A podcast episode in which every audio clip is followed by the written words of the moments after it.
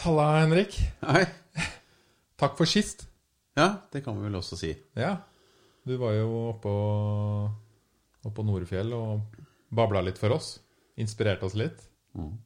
Eh, hvordan går det med deg disse dager? Det er jo stille og fredelig. Jeg har jo primal... Nei, hva heter det? Primærmålgruppen. Eh, forsamlinger på 200 pluss. Eh, og det er jo ikke så veldig mye. dagen. Det er det absolutt ikke. Ja, for du er en Hva skal man kalle deg egentlig? En inspirasjonsspeaker? En motivasjons... Ja Det er ingen av de titlene jeg egentlig liker. Nei? Eh, men jeg har ikke noe bedre forslag. Det er eh, motivator eller noe sånt. Ja. Hvorfor liker du det ikke? Nei, jeg vet ikke. Jeg synes ikke det, jeg identifiserer meg ikke noe så veldig med, med For det første er jeg ikke noe motivert sjøl. Nei? kanskje litt i skarp kontrast til hva mange tror, da. Som har sett meg hoppe og sprette på en scene. Og kanskje tenker at eh, her har du Her har du en som virkelig eh, er on top of life, liksom. Og de eh, kunne jo ikke tatt mer feil, egentlig. Så jeg, har, har, så jeg er um, ganske uinspirert inspirator, eh, Ja. rett og slett. Så jeg føler det er ikke eh, Jeg ikke, jeg føler meg ikke hjemme. Eh, Jeg identifiserer meg ikke som en motiverende type. Så alt det du sier da, som er motiverende, gjør du det selv? Nei. nei, nei. Ingenting av det. Ingenting? Nei, altså jo Det er lite, lite av det. Eh, Det heter vel 'Skomakerens barn', da. Ja. Eh, Jeg gjør eh, det, men, men det er jo Jeg sier for, for så vidt ikke så veldig mye om hva man skal gjøre heller, men jeg bruker kanskje mest tid på å, på å mm, levendegjøre og vise de hindrene man legger for seg sjøl. Og de er jo såpass effektive på å legge for meg også, ja. at eh, de, de har jeg ganske godt språk på. Hva er det noen av de mest Nei, det er, handler jo om hvordan man, eh, hvordan man eh, kommuniserer med seg sjøl, og hvordan man legger begrensende hindre eh, hele tiden. Hvordan man ikke forplikter seg til egne ønsker. Eh, hvordan man motarbeider sine egne målsetninger, hvordan man rakker seg sjøl ned og holder igjen, altså. Procrastination. Ja da, det, ikke sant? Og det blir det jo, i hvert fall når du er nede på de handlingene du må gjøre. Eh, Det er jo gjerne handlinger som må til grunn da, for, å, for å skape et gitt resultat. Mens man vil vel heller bare ha resultatet med uendrede handlinger. Ja, det er jo det som hadde vært digg. Det er det som har vært digg. Ja. Ja, og vi sogner jo til det som er digg. Vi, vi, så lenge vi har nok mat og, og oksygen og er varme, så, så vil vi helst bare ha det digg. Ja. Vi vil sitte rundt bålet og titte inn i, i flammene og ha det digg. Så å strekke seg noe særlig mer da øh, Ja, man kunne godt se for seg kanskje å ha nedfelt et bytte til. ja. Men akkurat nå er jeg mett, Ikke sant? og nå er det varmt. Hvis noen andre henter ved, så er jo det også deilig. Det er veldig deilig. Ja. Ehm, så hadde det selvfølgelig sikkert vært deilig å hatt litt mer anerkjennelse i stammen. Ikke sant? Eller hatt Så, så man kan godt ønske seg noe annet. Kan godt ønske å ha drømmer og ha eh, slags eh, idé om ambisjoner. Men å realisere på de, det Det tror ikke du på, eller gjør du det Jo, ikke? Jo, altså Det er jo åpenbart er noen som får det til. Ja, Så jeg tror på det i den forstand, men jeg er veldig dårlig på det selv. Men du har møtt mye folk i livet. Hva tror Ja. du er forskjell på de som får det til og ikke? Ja, det er mange, mange forskjeller på de. Ehm, det blir tydeligere og tydeligere for meg at flinke, prestasjonsrike mennesker, eller kall det hva du vil, de man gjerne kanskje ser opp til, eh, på ulike områder, det later til at de ikke nødvendigvis er så mye flinkere på de områdene man tror, da. Og vil, kan du gi et eksempel man, på man, det? man tror kanskje at de Altså, de fremstår kanskje veldig strukturerte. Sånn, De fremstår målbevisste. Eller fremstår veldig sånn med høy grad av selvdisiplin. Det virker som de er eh, veldig flinke på å, å gjennomføre vanskelige ting, kanskje. Og så kjenner man at den egenskapen sitter ikke jeg med sjøl. Og så tror jeg kanskje ikke at de er så flinke på det man føler at de er flinke på. Jeg tror det kanskje er noen mer enklere strukturelle eh, ting som avgjør. da. Hva slags vaner de tilfeldigvis eller målrettet har klart å skaffe seg.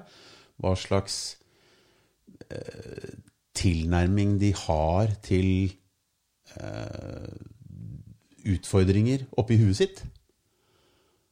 Hvorvidt de definerer det på den ene eller den andre måten. Um, jeg tror ikke at de står på nødvendigvis så veldig mye mer enn andre. Men de gjør kanskje oppgaver i en annen rekkefølge. Jeg tror de prioriterer tilfeldigvis bedre. Eh, eller riktigere. er- Altså, når jeg ser på suksessfulle folk, så har de liksom forstått hvilken ting de kan være gode på i livet. Og så har de vært veldig flinke til å liksom Nei, akkurat dette her eh, Dette kan ikke jeg. Men jeg, jeg er veldig flink til å finne hvem som kan det. Nettopp. Mm. Og så er jeg flink til å finne andre som kan det. Og så kan jeg lage et team da, med de folka. Og da funker vi godt sammen. Og jeg har et, eh, et annet eksempel her om dagen. Så var det en kompis som sa ganske sånn deprimerende som Jeg er så sykt flink til å liksom Jeg er best, da. Jeg er best på å finne en idé som er fantastisk. Starte den, få i gang teamet, få det opp liksom akkurat opp å rulle, og så slutter jeg. Og så sa jeg du, det er kult du sier det på den måten, fordi en venninne av meg, som også har vært på podkasten her før, hun sa det med et smil i munnen. Hun sa Henning, jeg er så sykt flink jeg, til å starte opp fete ideer. Få i gang teamet. Liksom Få alt opp. Få i gang økonomien. Og så har jeg gjort mitt. Og så tar noen over. Så det er liksom to helt forskjellige måter å se på. Eh, jeg, noen kan føle at de er veldig dårlige når de sier det. Andre kan føle at de er veldig gode. Skjønner du? Ja, ja. Og det er jo mange aspekter hvor man, i livet. Det har noe med det, et av de andre punktene jeg var inne på Ja. også. eh, Nemlig hvordan man eh, anskuer det som er i ferd med å skje. Det vanligste eksempelet er om glasset er halvfullt eller halvtomt. Men, men hvordan man ser en utfordring som ligger foran en. Om man ser den som uh, slags uh, denne kommer til å kreve alt av meg med et slags negativt fortegn, eller om uh, denne kommer til å gi meg spennende læring som et, som et, et fortegn. Eh, og det kan være samme oppgaven. Og to mennesker kan godt se den helt eh, Hva skal vi si Se den samme oppgaven helt forskjellig. Ja. Jeg tror det var Uh, en som hadde et Jeg lurer på om det var i den boka du anbefalte meg, uh, 'Atomic Habits'. Ja. Du sjekka den ut? Uh, Ja da. Ja. Og et eksempel i den handlet vel om Hvis man sammenligner da et menneske som er som har amputert begge beina, med en idrettsutøver som har begge beina Hvis begge plutselig våkner opp dagen etter med kun ett bein Det vedkommende som har amputert begge beina da opplever, det er 'jøss, jeg har ett bein'. Fantastisk, her er det muligheter. Nydelig. Ja, mens da den idrettsutøveren opplever det stikk motsatt. Mens eh, de verktøyene man har i verktøykassa rent kroppslig, er akkurat like. Eh, Så det er jo fascinerende at, eh, at det, det som vil være oppleves som ruin for den ene, vil oppleves som tidenes mulighet for den andre. Og Det syns jeg er et kult eksempel. Det er veldig kult. Og antageligvis er det mange, mange eksempler på hvordan man kunne ha vridd om og sett situasjonen annerledes. Har jo også, øh, det har også vært eh, eksempler på folk som har blitt rammet av veldig kraftige livshendelser. Eh, blitt lamme fra livet og ned, eller eh, eh, opplevd fæle ting. Alvorlig sykdom hos barn, eller Og som av en eller annen grunn i etterkant, i etterpåklokskapens lys, sier at de tross all elendigheten ikke ville vært opplevelsen foruten. Det er også fascinerende nok. Det er jo ikke det første man tenker når man blir rammet av noe, selvfølgelig. Men allikevel uh, altså, virker det jo som om hjernen har en, en, evne til å klare en sånn type omstilling. Og klare å snu og se på ting på en annen måte. Ja. Men, man må nesten, det, man, men det må nesten kreves av en. Livet må nærmest hente ut den ressursen fra det. da. Mm. Uh, og det er kanskje noe av det som er problemet for folk når vi går rundt og har nok mat og varme og Det er akkurat det. Da er det liksom egentlig Hva er problemet mitt nå? Det er bomringen. Mm. Uh, ja, jeg kommer ikke på noe mer akkurat nå. Nye, sånn fartsdumpen i veien. Ja. Ja, ja. Og da, og med, det er bare å høre på lunsjen i, i de fleste arbeidssteder ja. i Norge. Så hører du mye fascinerende. Ja, og da tror jeg kanskje vi mister den kraften til å ta fram um, Og anskue de mulighetene man har i livet, mm. på en funksjonell måte. Så da blir det mer sånn stakkars meg. Og, ja, sånn som meg sjøl, egentlig. Jeg har egentlig alle muligheter i verden. Jeg, har, jeg jobber relativt lite, tjener godt, har fin familie, har et trygt sted å bo alt er bra, så går jeg rundt og, syter allikevel. Folk spør åssen det går, og så sier jeg ja, passe. Altså, det er jo Det er frekt. Ja. Det, det er det. Det er, det er og, og, Men jeg erkjenner at jeg har gått rundt og sagt og svart sånn så mange år at det er ikke lenger bare en spøk. Nei, Nei det, det, blir jo det. Det, er, det bare er sånn. Mm. Jeg tror altså det som skjer når du eh, Som du sier, hvis du holder på å dø, mm. eller får en eller annen sånn veldig kjip sykdom, mm. og du kommer deg inn altså Underveis i den prosessen finner du også ut hva som er viktig i livet. Mm. Du skreller bort veldig mye dritt. Mm. Ikke sant? 'Å ja, den fartsdumpen. Nei, den gir jeg i hvert fall faen i.' Mm. 'Å ja, den bussen som var for sein. Mm. Jeg har ingenting å si i livet.' Mm. Hva er viktig? Kjærlighet, venner, familie. Det å være glad, mm. gå turer. Hva gjør meg glad? Mm. Du får bort mye skit, sånn som du sier. Den skiten er jo den som gjør at du går rundt og sikkert tenker Nei, jeg har jo god lønn og sånn, men jeg har egentlig fin familie, men nei, ting er jo ikke på topp. nei.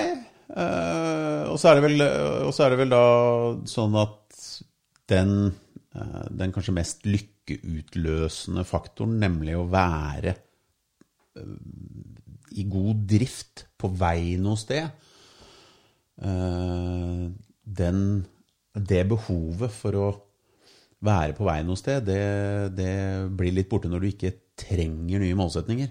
Mm. Eh, man trenger egentlig ikke å gjøre om på noe.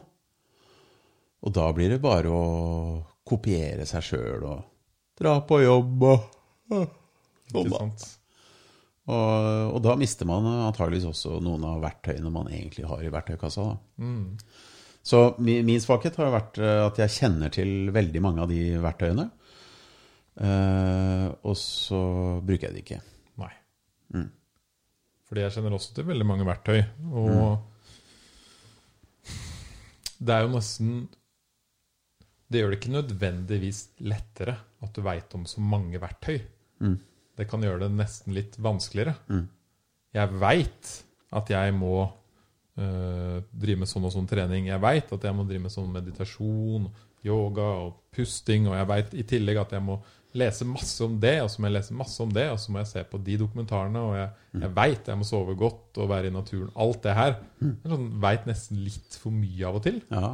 Og det er jo det den uh, Atomic Habits handler egentlig litt om. da. Ja.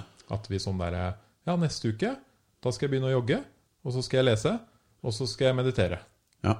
Og så gjør du det i to dager, og så blir du drittlei, ja. og så får du det ikke til. Og når man ikke får til ting, da er det veldig digg å gi opp. Ja. ja. egentlig eh, ganske behagelig. Da fikk man også litt rett eh, når det gjaldt den nægende lille eh, 'jeg vet ikke'-følelsen som var der. Ikke sant? Vi kan jo alltids prøve.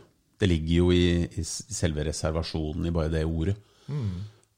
Når man prøver ut ting. At, eller når man tenker at 'jeg kan alltids prøve', kan gi det et forsøk, så ligger det jo en, en reservasjon der. Og det er den man egentlig får bekreftet. Eh, ikke eksplisitt uttalt, men, men mer sånn Jeg tror jeg gir opp. Og det var i grunnen det jeg visste. Ja. Så det er nesten tilfredsstillelse i det. Det er en sånn dårlig tilfredsstillelse. Ja. Hva lærte du av den Atomic Habits? Var det noe nytt? Uh, ja, altså Det er jo Jeg har begynt å, å lure på om uh, Måten vi går fram på når vi skal endre oss, om det er en slags eh, at, ikke, at viljestyrken, ambisjonen og inspirasjonen ikke er, eh, spiller, er eh, på linje med med den kroppslige og mentale ferdigheten man sitter på. Altså Kanskje dårlig forklart, men, men man er for inspirert, tror jeg. Eh, når man har vært med på noe inspirerende, eller man har vært på en, eh, en helgetur med, med noen inspirerende venner og virkelig får lyst til at nei, nå skal jeg ta tak i kostholdet mitt. Skal jeg, nå, nå skal jeg gjøre om på det, altså. Fy flate, det var jo så mye bra Bjarne hadde fått ut av eh, å gjøre om på dette. Og Begynte å spise grønnkål og spirulina, eller hva pokker det heter. Og så, og, så ha, og, så, og så er inspirasjonen veldig høy, sånn at man tenker at nå skal jeg virkelig sette i gang. Og så starter man da med ganske mange og, og, viktige øh, omgjøringer av vanene sine. Eh, måltider i seg selv er en ganske vesentlig del av livet vårt. Eh, og de foregår tre-fire ganger hver dag. Og bare det å gjøre vesentlig om på det Nå skal jeg slutte å spise kjøtt, og jeg skal virkelig gønne på. eh, Det kjennes veldig riktig ut eh, sett i forhold til det inspirasjonsnivået du kjenner på akkurat de første dagene. Nettopp. Men, eh, men, men problemet er at det inspirasjonsnivået vil aldri kunne vare. Og da blir du overtrent veldig fort. Altså det blir det samme som jeg, jeg satte i gang med en sånn eh, 100 om dagen-kampanje. Jeg skulle ta 100 pushups hver dag. Eh, I utgangspunktet klarer jeg jo ikke én. Det er- Så dette måtte jo foregå oppe på badekarkanten da, for, å- for å få eh, mindre belastning. Små Ja, og, og selvfølgelig fordelt på 24 serier. ikke sant? Den siste var jo to for å komme fra 98 til 100. Eh, delte det opp både morgen og, og kveld. Inspirasjonen var på topp, eh, men gjennomførings... Kroppen min tålte jo ikke det. Så det gikk eh, 14 dager, og så fikk jeg jo kjempe-CD-betennelse og ordentlig Jeg trodde jeg hadde hjerteinfarkt. ikke sant? Det er faktisk noen andre som er her på podcasten som har prøvd den. Ja, Det er en sånn uh, en god kar som heter Brendan, som tester masse ting i 100 dager. ja. Han sa pushups var den dårligste ideen av alt. Ja, det en kjempedårlig idé. Men en veldig god beskrivelse av at eh, inspirasjonen og eh, evnen ikke er på linje. Inspirasjonen er mye høyere enn evnen. Ja. Du klarer å gjennomføre, Og men, men altså, fysikken følger altså ikke med. Og jeg tror det gjelder selv om det ikke er snakk om en fysisk muskel som brystmuskulaturen i det man tar pushups. Jeg tror det også handler om hvis man skal bestemme seg for at nå skal jeg virkelig vise kona mi kjærlighet. Og så setter du i gang med Du skal kjøpe blomster og fyre stearinlys og sånn.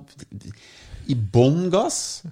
Eh, Det klarer ikke hjernen å, å venne seg til men, så der blir en trøtt. Der blir han sliten. Da får han hjernebetennelse. Og kona tror du har vært utro, for du kom hjem Ja, med ikke sant? Da har du bieffekter som eh, forsterker negative her. Men, men eh, Og det tror jeg eh, jeg begynte å gjøre noen erkjennelser på gjennom den eh, boka. Ja. At eh, kanskje er det sånn at man skal starte når man føler seg inspirert. Kanskje man skal starte mye lavere enn det inspirasjonen tilsier. Du kommer tilbake fra en eller annen inspirasjon og tenker nå Fy faen! Nå skal det skje! Ja. Jeg har lyst til å trene hver dag denne uka. eh, Så jeg nøyer meg med å ta på treningstøy. ja. Det er jo litt faktisk det den boka sier. Ja, Gjør det til du er drittlei. Så lei at du bare vil trene. Ja, eller, eller, eller i hvert fall gjør det til du har øh, vent deg til at det å ta på treningstøy, det er helt automatisk. For da kan du legge bort den. Og det betyr at du finner deg selv i treningstøy hver eneste dag etter at du har kommet opp øh, fra jobb. Da er du i treningstøy av en eller annen grunn. Det blir litt sånn Ja, som at du, når du har lagt deg om kvelden, så finner du deg selv der med nybørsta tenner. Ja. Det er ikke, noe, det er ikke noen tung beslutning å gå gjennom. Det, er, det er ikke noen stor vurdering i Det livet. er, ikke noe, det er ikke noen stor vurdering. Man bruker altså veldig lite krefter på eh, et, et lite skritt på veien. Ja, for jeg har Det året her for meg har vært liksom Atomic Habits-teståret. Og det har funka jævlig bra. Jeg har jo aldri på en måte lest mye. Det har aldri liksom Nei. Jeg har lest en bok hvert tredje år, liksom. Titta innom. Og på ferie så har jeg klart en halv bok, og så har jeg tatt den opp igjen om to år. Neste ferie, liksom. Ja, da tar jeg den opp igjen. Og så tenkte jeg greit, lese er noe alle sier er eh, jævlig smart. Så det burde jeg begynne å prøve litt. Vanligvis da så hadde jeg jo vært sånn Ja, skal jeg lese en bok i uka? Eller liksom Nå skal jeg lese mye. Ja. Nå skal det bli en ting. Ja. Og så leste jeg heller Atomic Habits. Og der sa de det vi snakka om. Byen. Ikke sant? Atomic betyr jo lite. Bitte, bitte, bitte. Mikroskopisk. By- Byen på atomic-nivå. Så jeg begynte med Var det tre sider hver morgen i januar? Og det er jo Det er ganske lett, da. Altså Folk kan begynne med én òg. Folk kan begynne med en halv eller ti. Det er ikke så farlig. Bare begynn lite, det som er lite for deg. ja. Og så gikk jo det jævlig bra i en-to måneder. Oi, jeg plutselig leser en bok. Og så eh, om morgenen etter hvert da, så er det sånn Sleng på et par sider til. For det, jeg vil lese mer om hva som på en måte kommer i den jævla boka. Ja, ja, ja. Og nå er jeg på rundt 20-30 sider hver morgen. ja.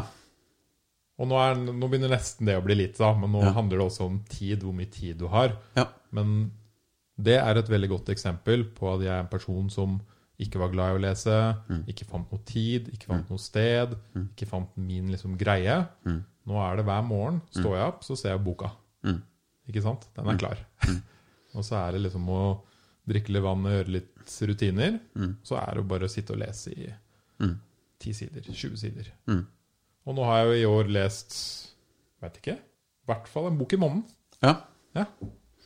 Så det funker jo. Ja, ja, ja. Og så er det det å automatisere de små, uh, de små prosessene fram til beslutning. Jeg har jo alltid vært opptatt av akkurat hverdagsbeslutningene.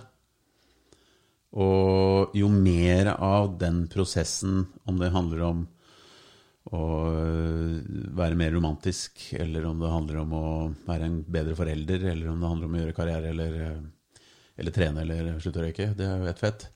Men det å gjøre de hverdagsbeslutningene som du antageligvis må gjøre flere ganger på flere av disse områdene, gjøre de så enkle som mulig, og ikke minst å starte treninga forsiktig, sånn at du ikke får senebetennelse, billedlig sett. Det, det har jeg eh, da voldsomt tro på. Så tenker jeg at eh, det vil jo være litt sånn egentlig stikk i strid med hvordan vanlig eh, motivasjonstenkere uh, tenker. Uh, For det er ofte sånn 'the sky is the limit', 'just do it'. klem til. Sett hårete mål for deg sjøl. Men hvis, hvis du tenker det over fem år, da, Mm. Så har du plutselig lest uh, 30 bøker. Ja, det og, og, og Ja, selv med bare tre sider om dagen. Ja, ja, ikke sant? Men jeg tenker jo at eh, så lenge du, eh, så lenge du starter med den ene armhevningen, den ene siden, eller de tre, så vil det være nærmest helt eh, uten ekstrakostnad for deg å ta fire. Og når det er helt eh, du, du har- gått fra tre sider til fire sider i 14 dager, så vil det være helt kostnadsfritt for deg å gå til fem sider. Og ved å bygge opp på den måten, så er det jo bare å telle eh, dager og, og måneder før du, du svelger en bok i uka. Fordi det er helt kostnadsfritt med det lille inkrementelle steget ekstra. Helt til du på en måte, Det har jeg funnet ut av. Helt til du, ved å også gjøre det på den måten, så finner du ut også sånn Nei, jeg har ikke mer enn 20 minutter om morgenen. Ja, ja, det er klart, så du, har noen sånne fysiske begrensninger, og det er ikke noe vits. Du skal ikke Kroppen min kan ikke gjøre det mer enn det. Nei. nei. Uh, og man kan jo ikke Man skal ikke trene syv timer hver dag. Apropos, så, så overrasket det meg at uh, Var det Marit Bjørgen, som vel er kjent for å trene ganske mye, eh, at hun faktisk bare trente bare 15 timer i uka? Ja. Eh, To timer hver dag. Litt mer enn to. Ja, jeg, jeg, lurer, jeg lurer på om det var det. Jeg det lurer på om ja, det, ja, det kan være at jeg husker tallet litt feil. Det jeg konstaterte, det var at oi, det var sjokkerende lite. Det var nesten så så jeg bare måtte ha eh, firedoblet min trening, liksom. Ja. nå er jeg jo riktignok mer i gang enn det jeg har vært noensinne. Men jeg tenkte liksom Jøss, er det så lite? Jeg trodde det var en fulltidsjobb. Eh, ja, det var for så vidt en digresjon. Men, En annen morsom fakta når du er inne på dette med toppidrettsutøvere. Mm. En svensk forsker som har en TED-talk, som har forska på hvor hardt trener disse Mm. toppverdens beste. Og stort sett hele året, utenom akkurat den lille tiden hvor du skal liksom kjøre konkurranse, Mm. så trener de på sånn 60-70% når de trener. Aha. Så de trener ikke på maks. nei. De gjør ikke det. For du, hvis du går i morgen og makser kroppen din, Ja. så klarer du ikke to timer dagen etterpå. Så klarer du Nei. ikke to timer dagen etterpå det der. Så Nei. du ligger alltid på sånn 60-70% kanskje litt mindre. Ja, for å få anledning til å trene mer. Ikke sant? Så, så volumet er viktig, og da må de holde trøkket nede. Ja. Ja. ja. Men det er jo stikk motsatt av hva de fleste, hva mannen i gata pleier å gjøre. da. Fordi når, Ja. den, når han eller hun skal prøve å begynne å trene, Ja. så går du til en PT, Ja. og så får du et sånn heftig program. ja. Så sier de 'gønn på med dette her'. Så går du fra null dager i uka til tre dager i uka. Ja. Hvilket vil være Altså, jeg tipper øyeeplene vil rulle bakover i huet oppå idrettshøyskolen. Hva i all verden må ikke begynne sånn? Nei. Det er helt hodeløst. Jeg har jo alltid hatt en eh, idé om at mine bein de tåler ikke å jogge. eh, Fordi jeg får senebetennelse. Ja. Eh, Jeg får det alltid på innsiden av skinnleggen. Så, så det er Altså, jeg er enten så er jeg for tjukk, eller så er det Men ja, det har aldri slått meg at Eller skoa er sikkert dårlig. Skoa må være dårlig. Og så klarte jo skoindustrien å lære oss eh, for, starta for 15 år siden eller noe, med å fortelle oss at hvis du er over- eller underpronert, eh, eller pronasjon, eller hva faen de kaller det, altså må du ha riktige sko. Jeg kjøpte jo, kjøpte jo sko til 1500 kroner, og innleggssåler til 700 kroner Ja, ja, ja. i tillegg, for å, for å få dette her riktig. Eh, og så viser det seg at det, det er jo ikke mm, Det er jo ikke det som er problemet. Nei. Det er at jeg jogger to dager på rad. Ja. Og to dager på rad gjør at jeg sliter på Ikke muskulaturen, jeg tror ikke det er muskulaturen som er problemet. Jeg tror det er senefe, eller muskulaturfestene som du da stresser. To dager på rad, du må, du må ha hvile hver gang. Det er jo derfor den 100-dagerskuren med, med armhevninger ikke går. Annenhver dag i 100 dager kunne gått. Mm. Du må ha den restitusjonstiden. Uh, og, men det er der igjen jeg tror at dette handler ikke bare om trening. Jeg tror det handler om all mulig forandring du skal gjøre. For, for også disse mentale forandringene, ikke bare de fysiske, de krever noe av den samme eh, sakte tilnærmingen og sakte oppbygningen. Og det er ikke på nivå med inspirasjonen som Nei. du føler. Jeg tenker også det, det er kult du sier det at, eh, at det gjelder andre ting. For jeg kan liksom også se for meg hvis du er deprimert, da. Mm. Og så møter du verdens mest happy motivasjonsdude. Så blir det sånn ah, fuck yeah! Det der var jo heftig. Han er dette kan jeg få til. Mm. Og så våkner du dagen etterpå og tester det litt, og så forsvinner den flammen sånn. ikke sant? Den bare Mm. For det tar tid å bygge opp en mer sånn happy attitude i hodet. Ja, det er det. En annen, liksom, som du sier, da, som når du kom hit. Mm. Det å gå rundt år etter år og liksom "Æh, ja, altså, Det er greit med livet. Ja. Da blir jo livet sånn. Ja. ja, og det er knyttet til identitet, det er knyttet til eh, omgivelsene dine, det er knyttet til eh, alle Hvordan du strukturerer hverdagen din. Alt dette nudger deg i retning av å være sånn som du er. Og det å plutselig ta en eller annen fantastisk motivator og, og den øyeblikksinspirasjonen du får av det, og skulle tro at du kan gjøre om på det og virkelig bli forferdelig happy, det, og det, det, det er en illusjon. Men det skaper også en illusorisk effekt, fordi at øyeblikksinspirasjon som kanskje kan vare et par-tre dager, med stor viljestyrke og meditere hver dag, og, og det gir jo en boost, og man kan jo til og med tro at eh, depresjonen er i ferd med å forsvinne. Eh, Eller hva det nå måtte være. Eh, og så kommer den bare atskillig hardere tilbake da, når, du, når du merker at dette funker jo ikke. Når inspirasjonen og viljestyrken avtar, ja, så får du jo nærmest en eh, tilleggseffekt på veien ned. Fordi da slår det deg at dette virker jo ikke på meg. Nettopp. Så da går det jo i hvert fall ikke. Nei. Eh, Så kan få, Nei, og Det er jo den typiske knekken da, som Ja, ja. du får. Ja, Ikke sant? Bare åh, nå gunna jeg maks forrige uke og jogga hver dag. ja. Men det funker jo ikke. Så får du den heftige knekken og bare Nei, faen, jeg klarer ingenting. Nei. Dette går jo i hvert fall ikke. Nei. Men hadde du jogga da, fem minutter hver dag, og våkna opp neste uke og bare Wow, det gikk jo bra. Det var egentlig ganske lett. Ja. Det tar seks minutter, ja. Men så har du svakheten ved det, da. Det er at disse bitte små inkrementelle stegene, de gir jo ikke akkurat noen sånn voldsom mestringsfølelse. Nei. Du blir ikke kjempestolt av å ha klart å ta på deg treningstøy i tre uker. Men hvis du, det jeg gjorde med de sidene, da, før jeg bare stoppe deg bare bitte litt her Jeg regna på hvor mange sider det var på en måned. Ja. Det burde man gjøre. For ok, åh, ja, fem sider hver dag. Det er ikke noe å skryte av til venner. Nei. Men hvis du regner på det over en måned eller et halvt år, Ja. så er oi, ja, der er det plutselig et par, en tusen sider eller noe. Ja, ja, ikke sant? litt- Ja, da har du jo i hvert fall de to bøkene da, istedenfor én bok på tre år. Ja. Bare i ferien. Så det er en, et voldsomt step up. Og da har du til og med holdt deg til et ganske lavt sideantall. Eh, Men, men eh, der igjen så kanskje jeg må gjøre om på hele min eh, tilnærming til motivasjonsfaget.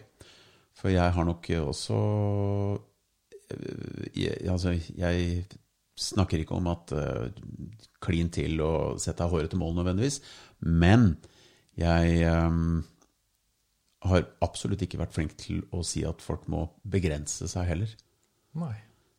Så det sitter jo litt langt inne å, å avslutte et foredrag hvor eh, folk, folk liksom tenker Fy flate, nå skal jeg sette i gang. Altså, nå skal jeg sette i gang. Og så si 'hold your horses'. Nå må, du, nå må du roe deg. Du skal ikke sette i gang med noe som helst. Du skal bitte litt, bare. Det, det, jeg, har ikke, jeg har ikke en helt løsning på hvordan jeg skal tilnærme det der. Nei. Eh, Men det kunne vært eh, gøy å, å lansere en helt annen motivasjonsmodell. Som er eh, sakte motivasjon for treiginger. Eh, På et eller annet vis pakkettere det sånn at det gir mening for folk. Og så blir jo da spørsmålet hvordan kan man eh, holde interessen, da. For du trenger ikke inspirasjon for å holde et sånt lite tiltak gående. Men hvordan kan du holde interessen gående? Mm. Det blir jo utfordringen da, kanskje. Altså jo faktisk repetere det om igjen og om igjen, selv om det ikke gir deg all verdens. Jeg har lest om flere teknikker man kan bruke, da, i hvert fall. Mm. Uh, den ene heter sånn X. Kanskje den bare heter X.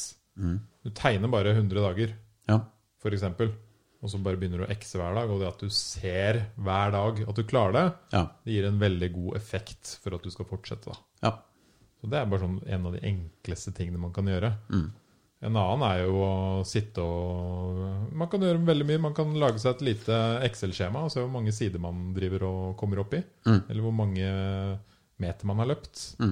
Eller hvor eh, mange ganger du har tenkt at du skal være mer glad. ja og så, men så har du problemstilling der òg, at du kan gå lei av det skjemaet. Ja, ja, det kan du. Så, så, så Poenget er vel at innen den tiden så har det blitt en vane. Ja, så er det håp om at det har blitt en vane, og da kan det hende at du skal gjøre om på din egen rapporteringsform, eller at du skal eh, øke intensiteten eller antall reps, om du vil, eller at du skal eh, fornye det på en eller annen gitt måte. Eh, men igjen, ikke ta i for hardt. Men sånn at du får en ny interesse. Nå har jeg sluttet å sette x-er i kalenderen. Nå skal jeg begynne å putte pingpongballer opp i et eh, stort eh, glass isteden. Eh, samtidig som jeg skal gjøre om på det at jeg har lest tre sider om dagen, til at jeg skal uh, lese én artikkel om dagen. Altså du, du gjør om på rutinen, men du øker litt mengde. eh, ja, for, for å holde interessen, da. Ja, for jeg kom til lesingpunkt hvor jeg var veldig fornøyd. Og så tracka jeg det en stund til. Og så var det sånn Nå er det en vane. Ja. Hver dag jeg står opp, så er det liksom Hvor er boka? Nå skal jeg lese. Og da ble jeg til slutt fornøyd med at ja, nå sitter den vanen like godt som å pusse tenna. Ja. Nå kan jeg kanskje begynne å titte på en helt annen vane. ja. Så hva er det jeg vil legge på nå? Jo, jeg har lyst til å Det er jævlig mange smarte folk som også sier at man burde meditere. Ja, men da starter jeg med tre minutter meditasjon, da. Etter jeg har lest. Så istedenfor å gjøre noe mer med den lesevanen, så tenkte jeg ok, science stempla, Ja. den er fin og god, Ja. den skal jeg fortsette med. ja. Men nå, kan jeg, nå er det spennende å se om jeg kan putte på noe mer. Noe nytt. For det er jo også gøy. Så tenker jeg at så skal man ikke nødvendigvis være så redd for om den lesevanen forsvinner heller. Fordi så lenge du nå har en metode for å sette i gang med den, så kan du alltid sette i gang med den. Ja.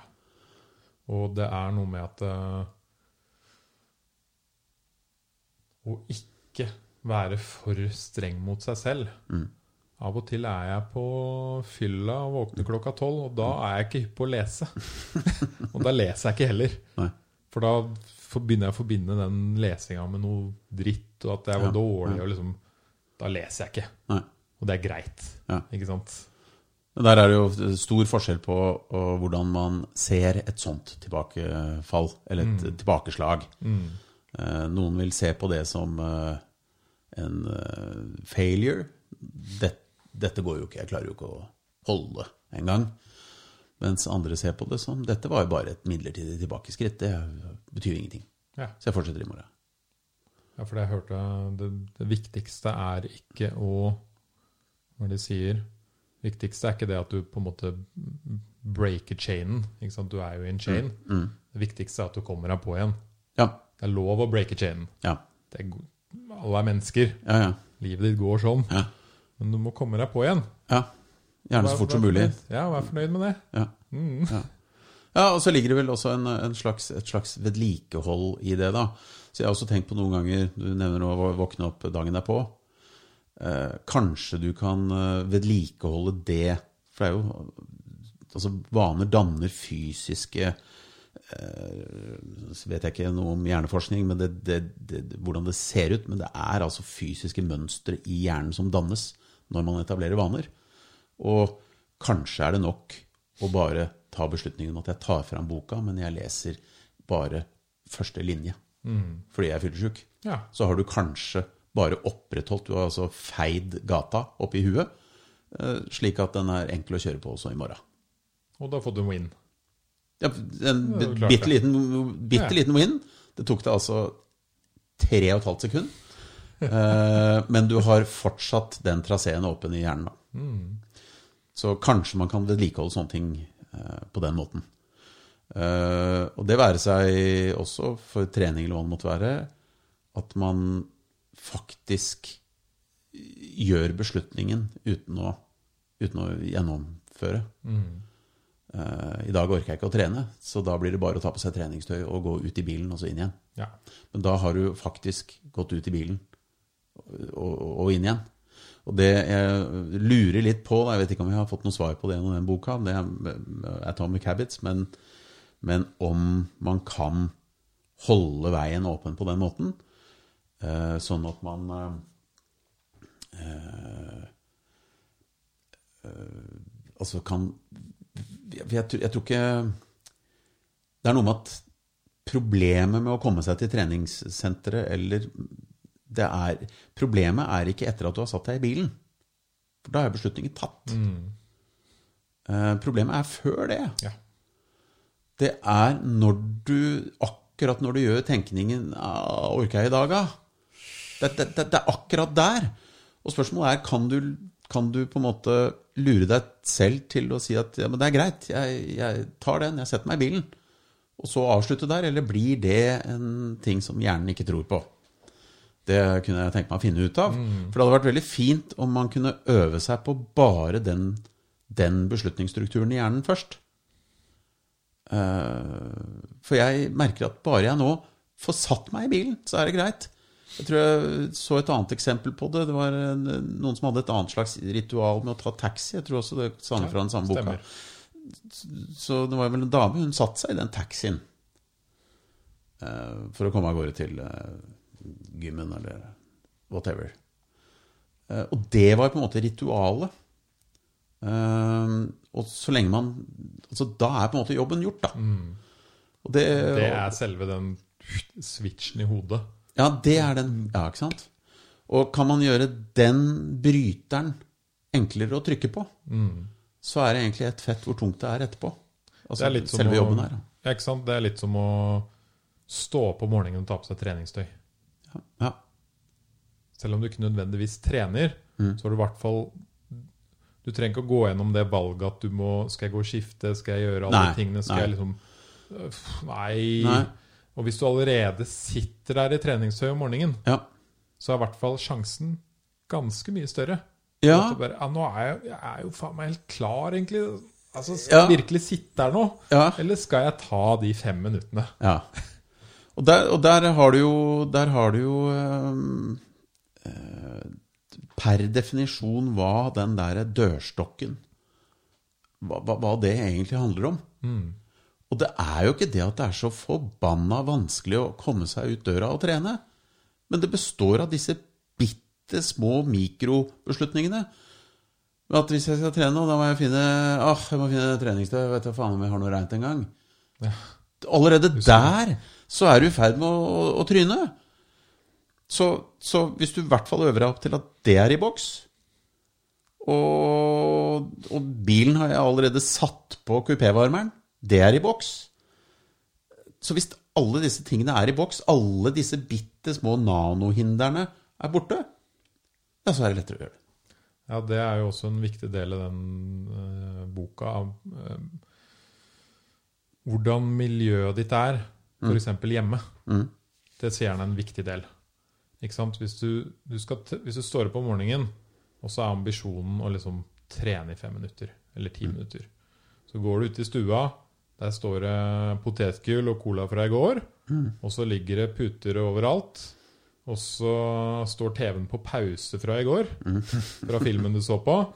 Det er liksom ikke det rommet lagd for å trene. Nei. Og da, som du sier, da, da er hindrene mange. Fordi du er her, og så skal du hit hvor det er trene. Men før det så må du rydde. Du må vaske opp litt. Du må liksom uh, lufte. Du må skifte. Ja. Alt det må du gjennom. Ja. Og alt det går opp i huet ditt sånn ganske underbevisst, men det påvirker deg veldig. da sånn, Ja. Faen, hvorfor Nei, jeg tror ikke jeg egentlig har lyst. Jeg, ja. Og det blir et kan se voldsomt på. TV. Jeg Ja. kan se på TV. Ja, og så nudger man seg selv inn i inaktivitet. Mm. Og ja, kjæresten min har blitt veldig flink på det. Hun står jo vanligvis allerede opp tidlig. Mm. Eh, halv syv, tror jeg. Mm. Og klarte, klarte liksom ikke før å få noen god trening inn i livet. Mm. Og så sa jeg prøv før jobb, da. Før du drar på jobb. Mm. Nei, det skjer ikke. Og så klarte hun selv å høre på noen podcasts og liksom lese litt om det. Jeg hadde starta en idé. Ja. Og så, og så prøvde hun å begynne litt, og da var det liksom Da la hun treningstøy på sofaen. La ut yogamatta. Mm. La ut de tingene hun trengte. Mm. La iPaden klar med sånn treningsopplegg. Mm. Og treningstøyet liksom, ja, helt klart når du står opp. Ja. Når du først gjør når du står opp, er å ta på deg det. Og der er yogamatta. Mm. Der står det et stearinlys med noe lukt som gir deg energi. Mm. Da er det lettere Mm. å få i gang den treninga om morgenen. Og Ja. nå klarer hun det hver dag. ja. Ikke sant? Ja, og så er spørsmålet hvor stort var det hinderet i utgangspunktet? Det er ikke så innmari stort. Nei. Jeg tror, jeg, tror det også gjelder det samme.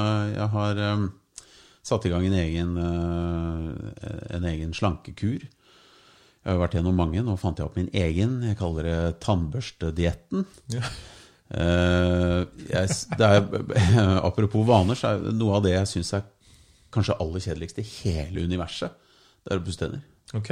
Syns det er så fantastisk kjedelig at jeg er ikke villig til å bruke et sekund ekstra på det. Så jeg har eh, selvfølgelig eh, tannbørstemaskin Ja. som tar tida, sånn at jeg ikke pusser noe mer enn 2,0000 minutter.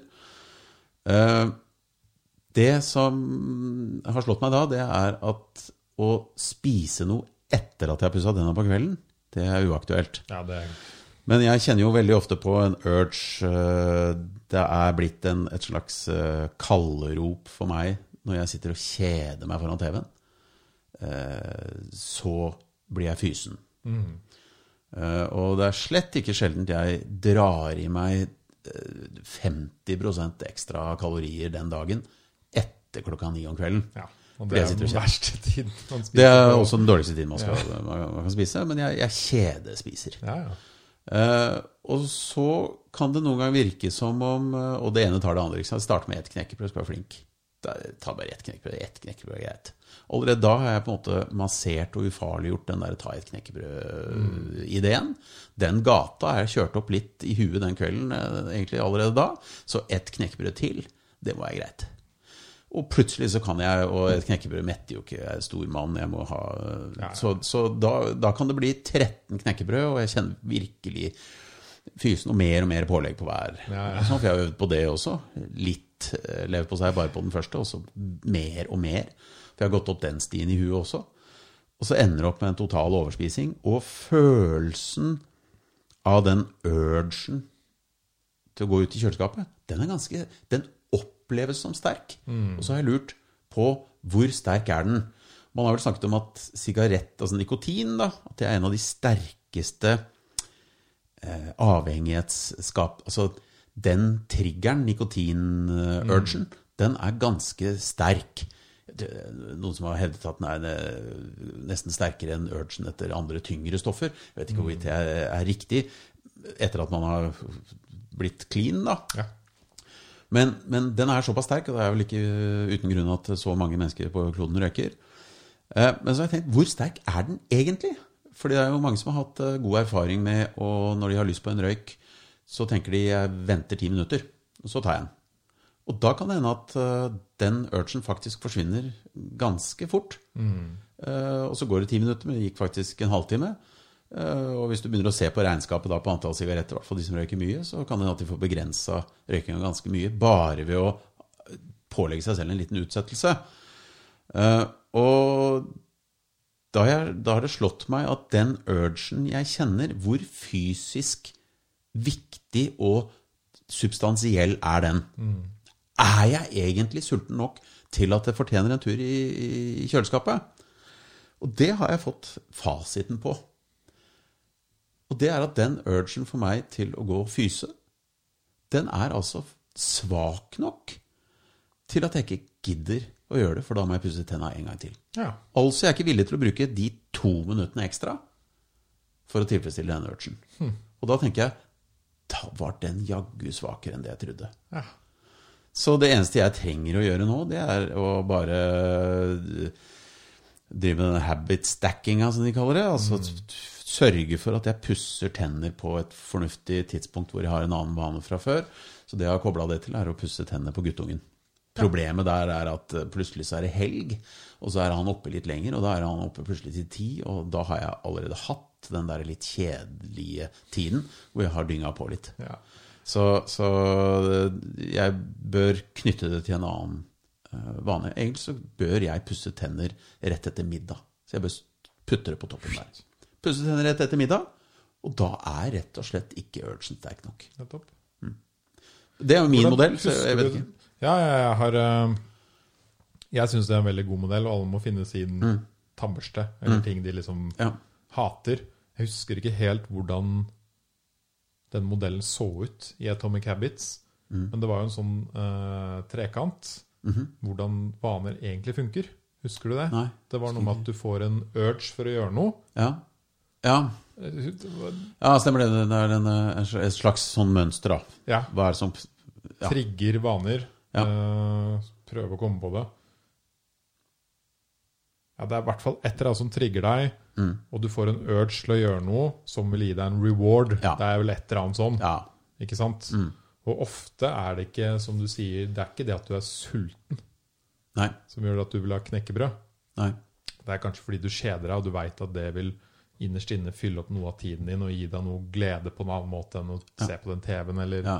et eller annet sånn. Et eller annet sånt. Så det er derfor de vanene også ikke alltid er så lette å forstå. Da. Mm. Og det er jo mange som f.eks. slutter å snuse ved å bare bytte til nikotinfri snus en måned. Mm. Og så bare Å ja, det var jo egentlig ikke nikotin jeg var avhengig av. Nei.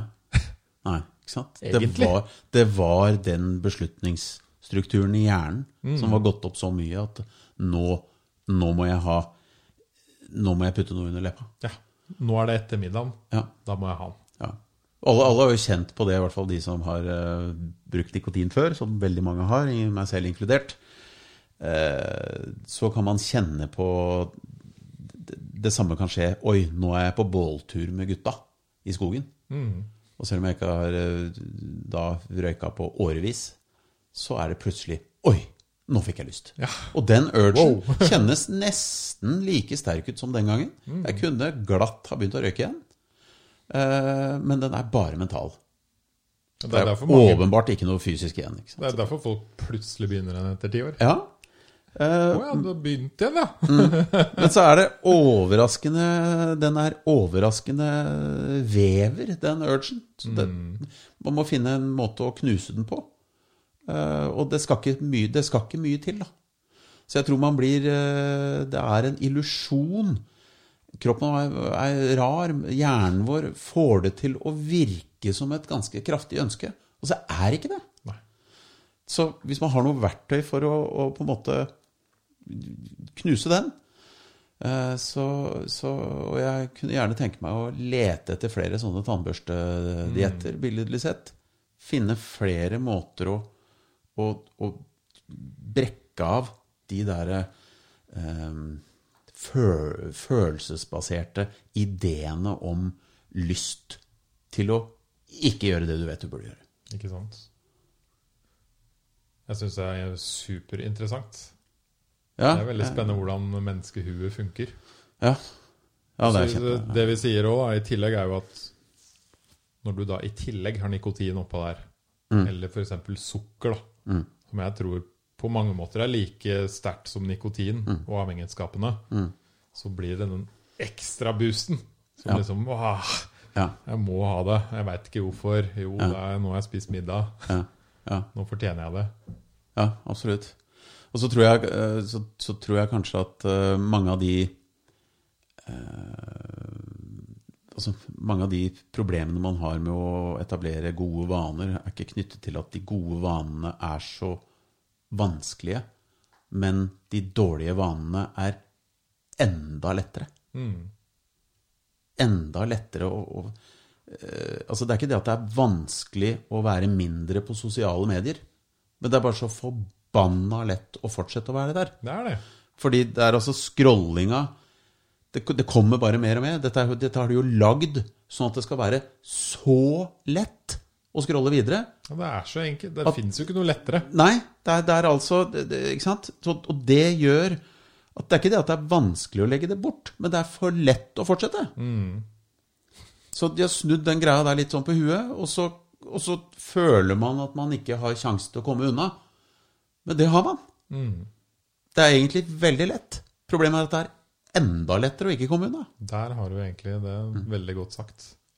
Så, så, så jeg tror det gjelder på veldig mange områder. da.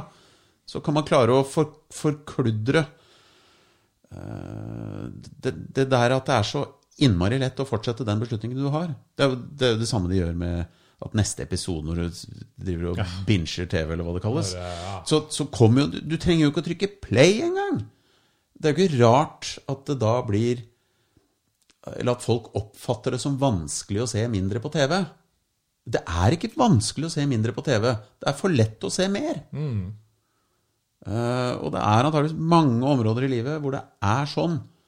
Det er for lett Det er litt for lett å bare fortsette som før. Det er egentlig ikke så jævla vanskelig å gå i en ny retning. Men hvordan La oss ta sosiale medier, da. Som du sier, det er jo, det er jo så lett. Hvordan kan man da Jeg er ikke noe, egentlig noe flink talsmann for akkurat det, for jeg er ikke Jeg har uh, gjort et Se på TV, da. La oss ta slags- den ja, det- det- vann isteden. Du fortsetter jo å se på TV. Ja.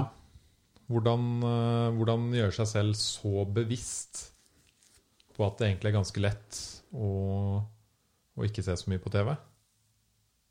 Ja. For der er det er jo det er der man sliter. Det, er enkelt å si at det er lett. ja. Ja. Nei, men, men, men problemet er at det å fortsette å TV, se på TV er enda lettere. ja. Så, så Ja, det er, det, det er den Det er der man må inn og Klarer man Ja, å gjøre det enda lettere å skru av TV-en? Ja, ikke sant? Ah, Ja, der kom det vel opp noen, eh, noen uh, uh, ulike ideer. Man kan eh, Altså, den det øyeblikket en torsdag formiddag hvor du har inspirasjonen over deg til å tenke at jeg må se mindre på TV, ja, så er det da du må legge til rette for at det kan skje. Eh, Det skulle jo være mulig å installere flere sånne timere på, på strømmen, eller sånn klippe strømmen på TV-en, eller, eller whatever. Men du må, da må du jo gjøre det, ikke når du sitter og ser på TV, da er det for seint. Du må gjøre det når du sitter og egentlig torsdag formiddag er litt inspirert til å se litt mindre på TV. Eh, flate, nå, nå installerer jeg en sånn timer som gjør at TV-en klipper klokka ti. ja. For det har jeg også lest mye om når det kommer til dårlige vaner. Gjør det vanskelig å utføre dårlige vaner. Hvis du røyker, da, så aldri ha røyk hjemme. Gjør Nei. så at Hver gang du skal ha en røyk, så må du gå langt bort til butikken, og du må kjøpe den. Og du har aldri lighter heller. Så du må også kjøpe lighter. Og hvis du da begynner å kjøpe en 20-pack med sigg hver gang du skal ha en røyk, og så gir du bort resten av siggen, eller kaster den pakka, så blir det etter hvert så sykt irriterende å kjøpe den siggen at du Ja. liksom Nei, jeg dropper i kveld, jeg. Ja, Så blir det sikkert for drastisk å kaste pakka, Ja. men jeg tror for mange så kan det være lurt om du har en fast plastpakka ute i gangen. Ja. Så den ikke ligger og skriker etter deg på, på bordet, i det minste. Jeg har en kompis av meg har det på loftet. Ja. Og så har han ikke lov å røyke på balkongen. Og det hjelper jo veldig. Mm. Ja. Så han må gå tur, da. Ja. Uansett hvor kaldt det er, uansett hvor mye det regner. ja. Han må gå, Må gå tur. tur. Ja. Og han flytta akkurat til ny leilighet, Mm. og da gjorde han to ting. Han hadde røykeregelen, og den gjelder alle. Mm. Og så hadde han ikke TV. Og da har han gjort to veldig drastiske ting da, som Mm. gjør at eh, Nei, jeg kan jo se på Mac-en- TV-Mac-en av og til, men det er jo ikke like digg, ikke sant? Mm. Jeg kan lese bok òg. Stua mi er lagd for å lese mer eller Mm. gjøre andre ting. Ja. Jeg har ikke sett noe tall på det, men eh, det skulle ikke forundre meg om eh, kjederøyking stupte dramatisk når røykeloven ble innført. Det tipper jeg. Det er klart, nå er det jo noen da, som når de endelig føler at eh, middagen er ferdig og de kan gå ut og ta seg en røyk, så tar de ti på rappen når de først står der. Eh, Eller i hvert fall tre. ganger. I hvert fall tre, men eh, sannsynligvis eh, før røykeloven kom, så hadde de allerede hivd i seg ti. Jeg var på en øh, vennetur for et par uker siden og koste oss på en hytte. Og den kvelden det liksom var fest, Da sa de i kveld blir det innerøyking. Det er lov. Det er liksom, alt er lov i kveld. Ja. Og alle bare wow. wow. Det, altså, alle ble helt sånn satt ut. ja. Og så var det en som tok en sigg inne, og det var helt sånn Alle bare kjente sånn frysninger. Og sånn, Hæ, hva er det som skjer nå? Lukter ikke godt. Det føles rart på kroppen. Ja. Og jeg var også en tur i, en tur i, i Serbia i fjor. Der, har jo, der er jo røyk, lov å røyke overalt ennå. ja, det er det. Og det var helt utrolig rart å se på. Liksom folk som sitter i barnehagen og på kafeer og bil, taxi, taxi Alle taxisjåfører. Ja. De er liksom sånn i midten, bak giret. Ja. Der stumper de siggen. Ja, Hopper inn, så tenner de en sigg, og så Hvor skal du? så røykeloven hjalp. Det, det gjorde den. Ja. Det gjorde, det gjorde den. Men det er, det, er den tilgjengeligheten, da. ja. Så jeg merker det litt, eh, eller ganske kraftig for så vidt, på hytta. Der har vi, vi har klart å skaffe oss en hytte på, i et område uten telefondekning. Bank i bordet kommer selvfølgelig Elon Musk til å ramponere dette her eh, når som ikke helst. lenge. Det varer nok ikke lenge, men, eh, men enn så lenge så er det altså ikke noe liv i den telefonen. Og da fikk jeg en første erkjennelse om hvor mange ganger jeg krafser meg til lomma. Nå skal jeg på do, da må jeg ha telefon jeg kraft, Nå eh, var det en tresekunders eh, pause Ja. eh, fra skravla til kona. Da grafser jeg meg til lomma. Masse forskjellige sånne hint gjennom en dag som gjør at jeg krafser meg til lomma. Og plutselig så merka jeg det, fordi at jeg krafsa meg til lomma, men det var jo ikke noe vits i, for den lå jo på peishylla, og den er død. Eh, og da begynte jeg å erkjenne hvor mange sånne hint man får, da. Ja. Og sannsynligvis vil man få sånne type hint på, på en del andre områder, og dårlige vaner på, på flere områder. Og tenk om man kunne snu om det, slik at man fikk hint til de gode vanene isteden. Eh, Flere gode eh, sånne små nudge-dultehint i de riktige retningene isteden. Og Da må man legge opp til det når man har inspirasjon til det. ja.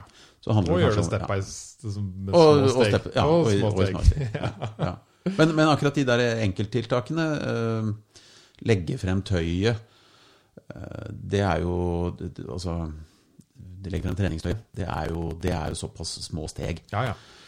Eh, og antageligvis installere den timeren på TV-en. Det er også små engangstiltak, da. Som du ikke trenger å være all verdens inspirert for, for å sette i gang med. ja, det kan du ha på mobilen og PC nå. Ja. Sånn timere. Mm. Du bare hutt, låser alt Mm. utenom å ringe. Ja. Og det er mange som tror det, at uh, man må være så ekstremt tilgjengelig hele tiden. ja. Du må liksom Du må svare fort da på mail, og så må du svare fort på Messenger og alle de stedene. Ja, Det tror jeg er en konstruksjon man har i eget hode, at det, at det må være sånn. Det er det. Og det har de bevist. Ja vel. Er det noen som har forska på det òg, sikkert? Og de har forska på det på både mennesker i livet, men også i bedrifter. Mm.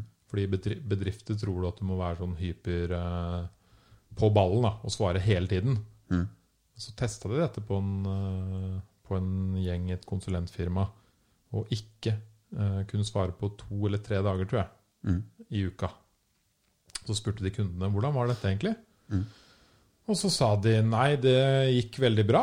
De leverer bedre. Vi har ikke så mye unødvendig kommunikasjon. Mm. Og når vi først snakker sammen, så snakker vi liksom rett på sak. Ja. Og det er litt sånn jeg tenker med, med kommunikasjon over eh, sosiale medier og mobil og den pakka der også hele tiden nå. Du må svare hele tiden. Som, jeg har sagt til venner at eh, hvis noen virkelig vil si meg noe viktig, så ringer de. Mm. Hvis jeg ikke svarer på liksom, si Facebook da, Mm. på to timer, og det er kjempeviktig, Mm. da regner jeg med at de ringer. Og ikke sitter og bare nå håper han sjekker det på Facebook snart. Vi driver med hjerte-lungeredning her. Håper han ringer. Da håper jeg han sjekker den. Jeg sendte sendt en sånn nudge.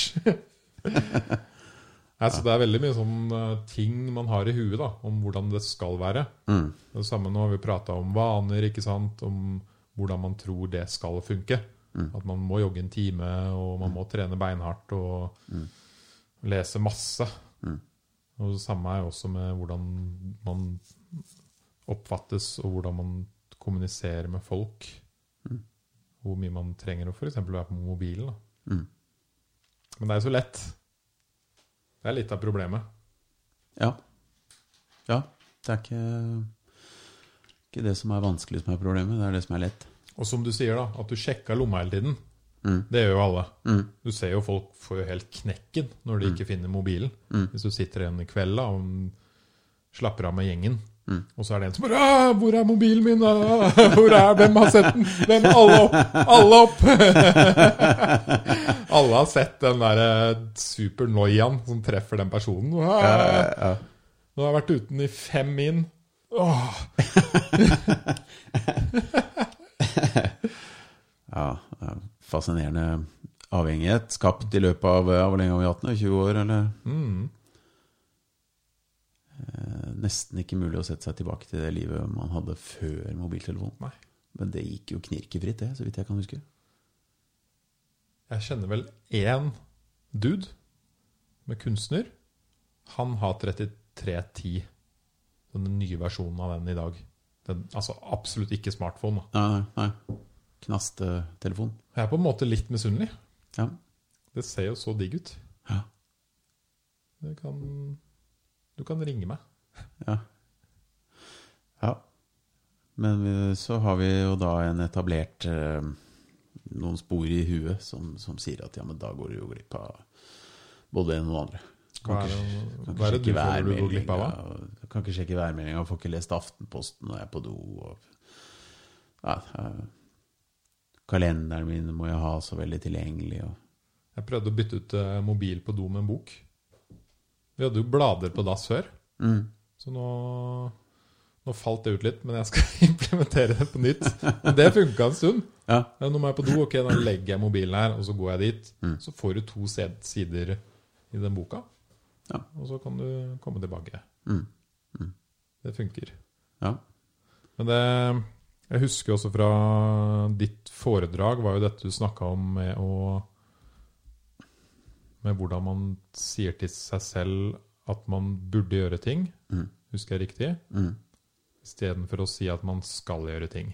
mm, Det handler jo veldig mye om hvordan du bygger opp en slags identitet i hodet ditt, og en tanke om hva som skal skje i framtiden. Ja, og, og i hvert fall ikke legge inn de små reservasjonene for seg selv, hvis det er noe man tenker man egentlig skal. da. Eh, Fordi det man gjør med en gang man sier 'jeg burde', det er at man eh, legger inn en ganske solid, god åpning for at det ikke blir noe av. Mm. Og den, eh, det gjør det på en måte ja, lettere å velge at det ikke blir noe av. Så du nudger deg sjøl i retning av at det ikke blir noe av. Ved å si at jeg, jeg kan alltids Nei, må prøve å få til det. Vi må prøve å få til en kaffekopp en dag. Du har jo allerede sagt at det er høyst sannsynlig lettest å drite i å avtale en kaffekopp. Ja. Du burde jo møttes litt oftere. Burde det? Det, det, det ligger implisitt i det at det trenger du ikke. Nei. Så det er ikke noe, det er ikke noe, det er ikke noe må her. Eh, Ja, og, og det er det jo ikke alltid heller, altså for all del. Det er, det er ikke noe det er, men, men vi har den, den Hva skal vi si Den omgangstonen at eh, nei, vi må eller vi må prøve å få til noe framover, som for så vidt er helt funksjonell, for det er ingen som har lyst til å få til noe du, Vedkommende du møtte på gata som du gikk på skole sammen med, dere har vokst fra hverandre, så er det ikke noe vits i å få til den kaffekoppen allikevel. Så det blir mer en sånn eh, slags sosial eh, omgangsform for å si at man eh, setter passet pris på vedkommende fortsatt, men er ikke interessert i å øh, vedlikeholde noe særlig mer enn det. Men det har smittet seg over. Den måten å prate på har jo smittet over på de, mer, de viktigere områdene i livet. Så man legger de samme reservasjonene der. Og den samme enkle utgangen, exit-muligheten for seg sjøl, ved at det ikke skjer noe. Mm. Jeg burde begynne å trene. Så derfor er det ganske enkelt å drite i det. Det er jo det. Og det, er- men jeg tenker også helt på sånn atomic-nivå, da. Mikronivå. Så gjør man det hele tiden. Man ligger i sofaen. Nei, jeg burde rydde den greia der. Nei, jeg kan droppe det. Det er bare noe jeg burde. Men nei, jeg burde faktisk sette på vaskemaskinen. Mm. Burde er greit, det, altså, men jeg må jo ikke. Nei. Hvis du hadde da, hvis man, som jeg forsto det, begynner å bytte ut det med liksom jeg, Vet du hva, jeg skal ta og rydde den der eh, koppen der. Ja. Så setter det en annen fart i hodet. Ja, det er en, eh, en Fra en veldig mild til en ganske kraftig dult i den retningen. Det, er ikke noe, det er ikke sikkert det skjer, men du har i hvert fall gitt deg en kraftig dult. Og hvis du dulter på andre måter også, ved å legge til rette og sånn, som vi har snakket om tidligere, så er det mer sannsynlig de positive beslutningene vil skje. Og hvis du sørger for at det du skal, ikke er all verden heller, nemlig å ikke ta i altfor hardt, som vi også har snakket om, ja, så er det enda mer sannsynlig at du får til den lille skallen. Ja, for nå begynner vi å kombinere to gode ting her. Ja, Mm. Hvis du liksom både kombinerer det at du At du begynner å si til deg selv at jeg skal gjøre ting, ja, men du skal ikke jogge en time i morgen, du skal jogge ti minutter. Eller fem. Så sier du det liksom Ja, det skal jeg gjøre. Det, ja, i morgen skal jeg gjøre det. Så legger du fram klæra. Så skal du jogge fem minutter. Skal gjøre det. Da kommer du kanskje sannsynligvis til å gjøre det. Altså. ja. Så, Litt større sjanse enn hvis du sier ja, jeg burde gjort det Ja. i morgen. Ja. Og kanskje det er lettere for deg å, å gjøre disse andre tingene som legger til rette for at det faktisk skjer. da. Fordi beslutningen er egentlig tatt. Ja. Og det var ikke verdens største beslutning, men du tok den i det minste. Det, det, det, er ikke noe vits i å begynne å snakke om at nei, jeg kan alltids prøve å få lagt fram eh, treningstøy, altså. Det er jo for faen ikke noe å prøve, det er bare å klemme til. Det er bare å gjøre. Det er et så, et så lite Det får du til. Også en, en veldig viktig ting inni alt det her, og som vi ikke har tatt med, det er jo det å rewarde seg selv. Så min reward om morgenen etter jeg har lest og meditert, det er en varm kopp kaffe. Og det kan jeg glede meg til. Ja. Så jeg starter aldri dagen med den kopp kaffen. Jeg har allerede brukt opp min reward. Ja, ja. Ikke sant? Men jeg gleder meg til den når jeg leser og mediterer. Bare, ah, nå fortjener jeg en skikkelig varm og digg kaffe etterpå. ass. Ja. Og gleder meg til den. Jeg veit den kommer. ja. Og så har jeg gjort tingene mine, og da får jeg tatt kaffen. Og da er alt sånn wow, yes. God start Hvordan unngår du å, å føle at du fortjener den før du i det hele tatt begynte?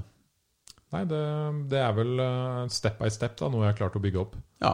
At jeg måtte Det finne en reward, ikke sant? ja. Mm. Og så er det jo for så vidt ikke en eh, Du blir jo ikke eh, en mester i selvutvikling fordi du har klart å vente med den kaffekoppen. Nei. Så det er en ganske, det er en ganske liten uh, greie, men, uh, men uh, nok til at det funker. Mm. Det samme som vi er jo ikke noen strukturens Strukturens far. far, jeg heller, selv om jeg klarer å gjennomføre tannbørstedietten min. Det er ikke Det er en ganske liten, liten sak. Hva er det de sier? Altså, folk overvurderer ofte hva de klarer på ett år, men undervurderer hva de klarer på tre. Ja. Den liker jeg godt. Mm.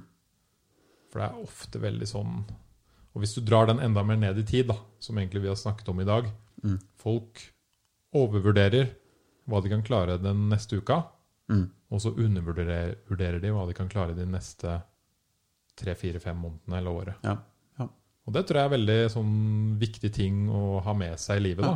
ja. At uh, nei, du skal faktisk ikke jogge disse totimersøktene fire dager i uka.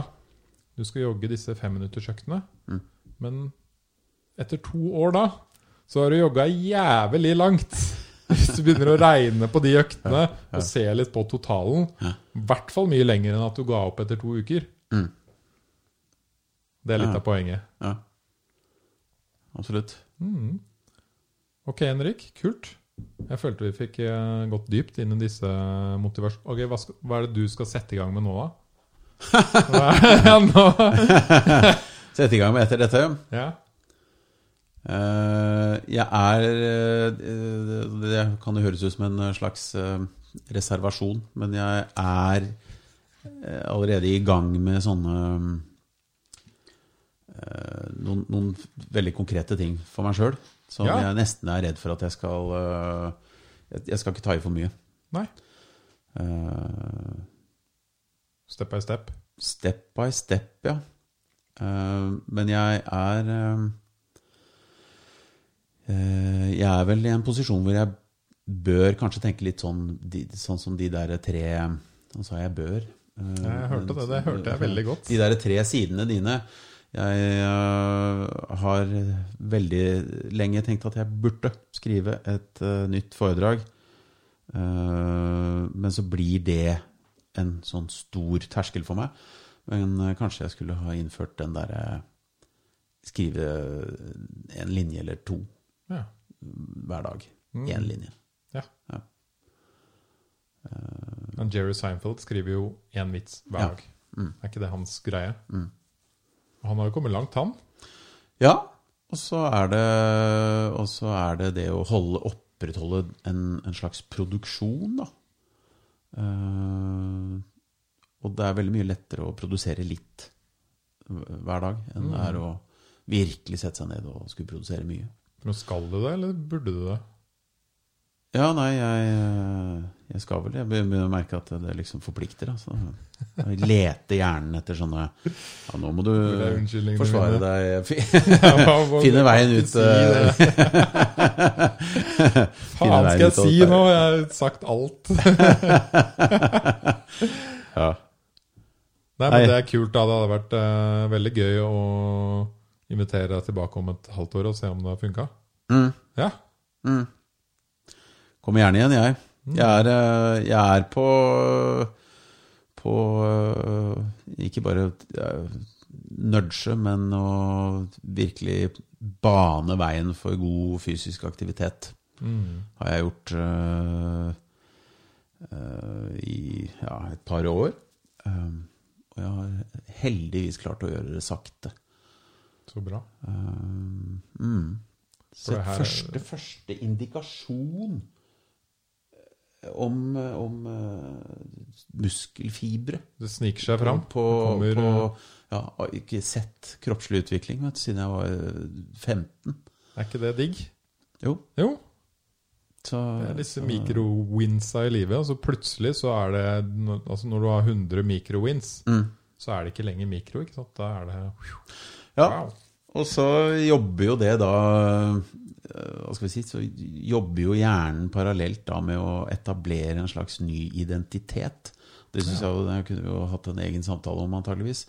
For uh, mye av det i hvert fall som har med personlig utvikling å gjøre, om det er med, med å bli en eh, bedre far eller eh, et bedre menneske eller en bedre arbeidstaker, eller om det handler om slanking eller mosjon, eller så er, så er det veldig sånn uløselig knyttet til eh, identiteten.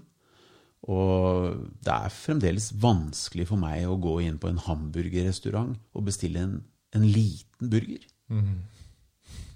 Altså En liten burger, det er sånn som tynne jenter på diett bestiller. Ja. Jeg er stor mann. Jeg skal ha dobbeltburger. ja, ja. Og, og det er veldig dumt at, jeg, at, at det, det er identiteten min. Men det er den fortsatt. Eh, Jeg tenker at jeg skal ikke gå rett derfra og over på, på uh, liten burger. Jeg er ikke en kvinne på 49 kilo på diett. Eh, Men det jeg har begynt å gjøre, det er å bestille dobbel veggie-burger. Ja. Nå begynner veggie-alternativene å bli Altså Før var det jo en slags idrett å få i seg noe veggie-produkt. Jeg var ikke innom engang. Spise noe som skulle liksom etterligne kjøtt og som smaker gress. Glem det. Men nå har det jo skjedd en ganske voldsom utvikling der. Det er ikke så gærent. Eh, Så nå er jeg på dobbel eh, Rebel Whopper på, på Burger King. Ikke sant? Eh, Så har jeg begynt prosessen da i gang med å, å være eh, den som typisk tar litt smartere valg. Mm. Um, Ja, og det var jo det du starta med i dag. Å snakke om at du um, Alle de stemmene man har i hodet sitt, som man forteller seg selv hele tiden. 'Jeg er ikke en jogger, jeg. Nei. Jeg får vondt i beina.' 'Nei, jeg er ikke en leser. Aldri lest i livet.' Hva er det du blir når du sier de tingene? Ja, du blir ikke en leser. Nei. Du blir ikke en jogger. Nei. Og det er samme, det var flere eksempler i den boka. F.eks. når man alltid går rundt og sier at man er så ekstremt dårlig på å finne veien. Eller man er så sykt dårlig på matte. Ja. For det har jeg alltid vært. ja. Jeg har alltid vært dårligst jeg på matte. Ja, tror du at du blir bedre på matte av å si det? Nei, men, det, det, men så blir det jo en selvoppholdende Eller hva heter det? En, en, også en selvoppfyllende, men en, en selvoppholdelsesdrift i det. Fordi du får det bekreftet. Fordi Nettopp fordi man da ikke utfordrer seg selv på det, eller lærer seg det, så er man jo faktisk Så er det jo riktig det man sier at man er. Ja. Jeg er dårlig på matte. Og folk som er dårlige på matte, de holder seg unna matte. Og når man holder seg unna matte, så lærer man ikke matte, og da fortsetter man å være dårlig på matte. Enkelt og greit. Så det henger jo veldig sånn godt eh, sammen. Og jeg er en lat person som ikke trener. Og jeg merker nå når jeg sier det, at det begynner faktisk smått og senn å skurre litt, fordi jeg har trent fire-fem dager i uka i månedsvis. Ja, Men, Da er jo det litt løgn, liksom, egentlig. På, på, på et vis, men det henger igjen en slags grunnidentitet Mm. uh, som, som forteller meg liksom litt sånn underbevist at jo, men dette er jo egentlig bare en en god periodegreie. Det er ikke egentlig deg. Uh, men uh, disse tingene henger sammen.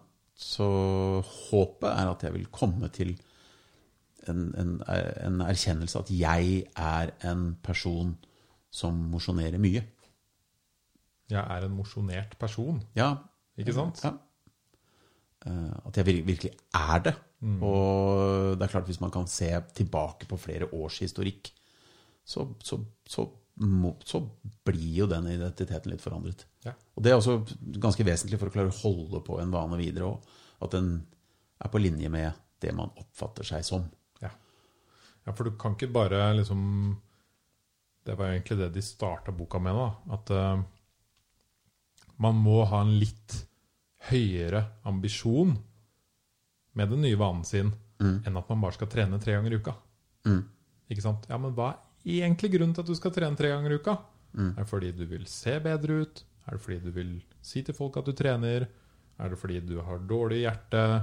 Ikke sant? Hva er den egentlig litt dypere grunnen til det? Det Fordi du vil leve lenger? Ikke sant? Ja. Så fort du begynner å grave litt mer i det, så kan du også begynne å tenke deg ok, ja, jeg vil skape en ny identitet pga. disse tre tingene. Jeg vil leve lenger, jeg. Jeg vil kunne jogge til butikken hvis jeg har dårlig tid. Eh, Ja, hva, hva, slags, sant? Ja, hva slags person vil jeg være? Mm. Eh, og det er mer Det river deg mer i den retningen enn enn bare hva slags tiltak vil jeg gjøre. Ja. Og det er vel kanskje det viktigste å uh, få skrevet opp og hengt over senga nesten. Ja, det kan hende. Mm. Dette er den personen jeg skal bli, men det kommer til å ta to-tre år. Men det blir ikke så tungt heller, fordi jeg gjør det step by step. Men om to år, da er jeg faen meg der. Da er jeg en leser. Og jeg er en person som driver meditasjon. Ikke sant? Du er en mosjonert dude. Ja. Og du er en person som eh, jobber med dette utvikling av konseptene dine. Ja, hver dag. Litt hver dag. Og det er jo dritbra. Nei, så kult. Jeg gleder meg til å høre hvordan det her går, da. Og ikke minst eh, håper vi har inspirert noen andre der ute. Det er jo sikkert mange som eh, trenger litt inspirasjon disse dagene her. Det er det nok. Det er liksom dager som det er ekstra lett å ha veldig mange av de unnskyldningene innabords. Nei, det er covid, så jeg trenger ikke å jogge. Nei. Det er best å være inne. Ja. Det er jo virus ute, så er det ikke best om å ligge under teppa Ja. og se på TV? Ja. Og unnskyldninger når de blir servert, det er, eh, det er jo den, noe av den største trusselen til en, et, å være i en god steam, uansett hva det handler om. Mm. Det er jo at man rokkes ut av den gode stimen. Men det sier også noe om hvor viktig det er med alle disse elementene som gjentar seg, altså som blir rutinepreget. Eh, fordi at med en gang Altså har du en, en god vane etablert til eh, Eller knyttet til, altså til mosjon, da, f.eks. Eh, hvor du legger frem ting, og du har et fast tidspunkt, og du, du gjør det samme. Med en gang du da det, det dukker opp noe Ferie er jo noe av det verste. Hvor du ikke får lagt fram treningstøyet, eller hvor covid gjør at du ikke bruker bilen fordi du Eller ikke kjører trikk. Ikke sant? Da får ikke hjernen de vanlige hintene. At når du er ferdig med den trikketuren, så skal du jo Da var jo da du skulle Hoppa på sats. Ja. Eller eh, gjøre et eller annet. Ja. Eller det subtile det, det, Alle de små hintene som gis, gis deg, at nå gjør du det som er vanlig. Og det som er vanlig nå, etter at du har vært på trikken, det er at du kommer hjem. Og det som er typisk da, det er at du øh, spiser middag. Og det som er veldig typisk da igjen, det er at du tar på treningstøy. Og det som er typisk da, det er at du ender opp på sats.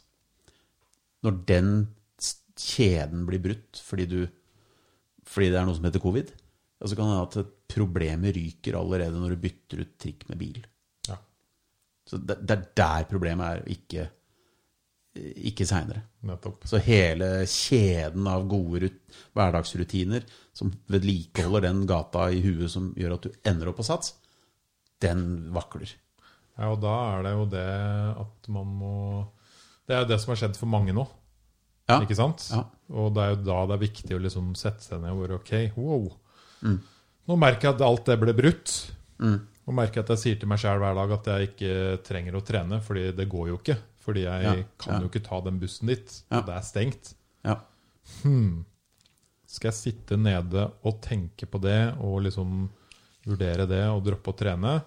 Eller skal jeg kanskje jobbe litt med å få inn noen andre typer rutiner akkurat nå? Som jeg kanskje også kan bruke når jeg er på ferie. Når du er et annet sted. Ja, og det, og det der er vevert, fordi eh, man kan bruke månedsvis på å bygge opp en eh, vane, og så kan du bruke fire dager på å nesten ødelegge den. Ja. Så, så jeg bestemte meg nå på bølge to. eh, altså på bølge én så røyk treningsopplegget mitt Ja. fordi EVO stengte. Ja. Så tenkte jeg nå er jeg kommet godt i gang igjen. uh, utrolig nok etter sommeren det åpna igjen og sånn. Nå må ikke det skje. Nå stenger EVO. Nå må jeg stoppe meg selv når tanken er ja, det er lett. Særlig lett. Nå som de stenger igjen. Da kommer det til å skje. Nei, nå må må jeg stoppe den tankerekken og si at vel, nå, nå skal det foregå hjemme. Så nå driver jeg etter eh, NRK-Yngvar og løfter gryter og egne bryster. si. Og, og det er riktignok litt mer sånn, eh, sånn eh, kardiotrening, da. Det blir mer andpusten og sånn, men, men det er styrkebasert. Vet du hva, Henrik? Jeg digger å ha en Det var superdigg å ha deg på besøk og ha en motivasjonsspeaker som også trenger å bli litt motivert sjæl. Ja, ikke bare litt. Nei, ikke sant? Og det er jo Det er gøy da at du ikke liksom hoppa inn døra her med liksom i treningstøy og hadde akkurat jogga to timer og liksom Du, hvor er eh, kombuchaen min? Nå må jeg ha tunfisken og Men altså Nei. Alt det jeg sier, det, det må jeg jobbe med sjæl. Og jeg har det helt likt. Jeg alltid, alle har noe å jobbe med sjøl, og ingen er perfekte. ikke sant? Og Det er jo dødskult at det kommer fra deg, da, som er ute og til vanlig inspirerer folk. Ja. Og det at du også tør å si til folk og lytterne at eh, Nei, det, jeg er like dårlig sjæl. Ja, jeg tror kanskje det er det som uh, har vært min uh, Min forse, om man skal kalle det det, i, i mitt virke. Det er at det ikke er så veldig avstand mellom meg og de som hører på. Så de, de, det, er ikke, det kan være veldig fascinerende. Jeg har vært på mange inspirasjonsforedrag sjøl. Har hørt om folk som har virkelig fått til ting. og vært på virkelig, virkelig prestert, ikke sant? Og lange planleggingsperioder og nådde toppen av Mount Everest. Og var ikke måte på. Du sitter og tårene presser på, fytterakkeren. Mens konklusjonen er at det er så tommetjukt over mitt nivå ja, det helt... at uh, det var fascinerende å høre på. Men uh, i verste fall så blir jeg demotivert av det. Altså. Og så husker man jo ofte på en måte toppen av historien, da. Som var ja. at de kom til Mount Everest-toppen. Ja. Men du huska kanskje ikke det at Å ja, faen, sa han det at han hadde planlagt dette i ti år? Ja, det, det, men, men, bare det i seg selv å lage tiårsplaner, ikke sant? da må man jo ha øvd litt på å lage planer i det hele tatt. For jeg klarer ikke å lage noen tiårsplaner.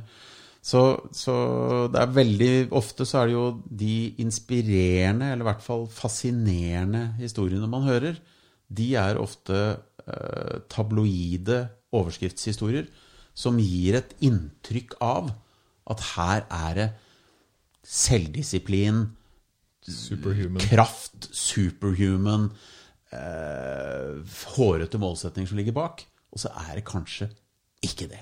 Nei. Kanskje det er denne nitidige småjobbingen vi egentlig har snakka om her.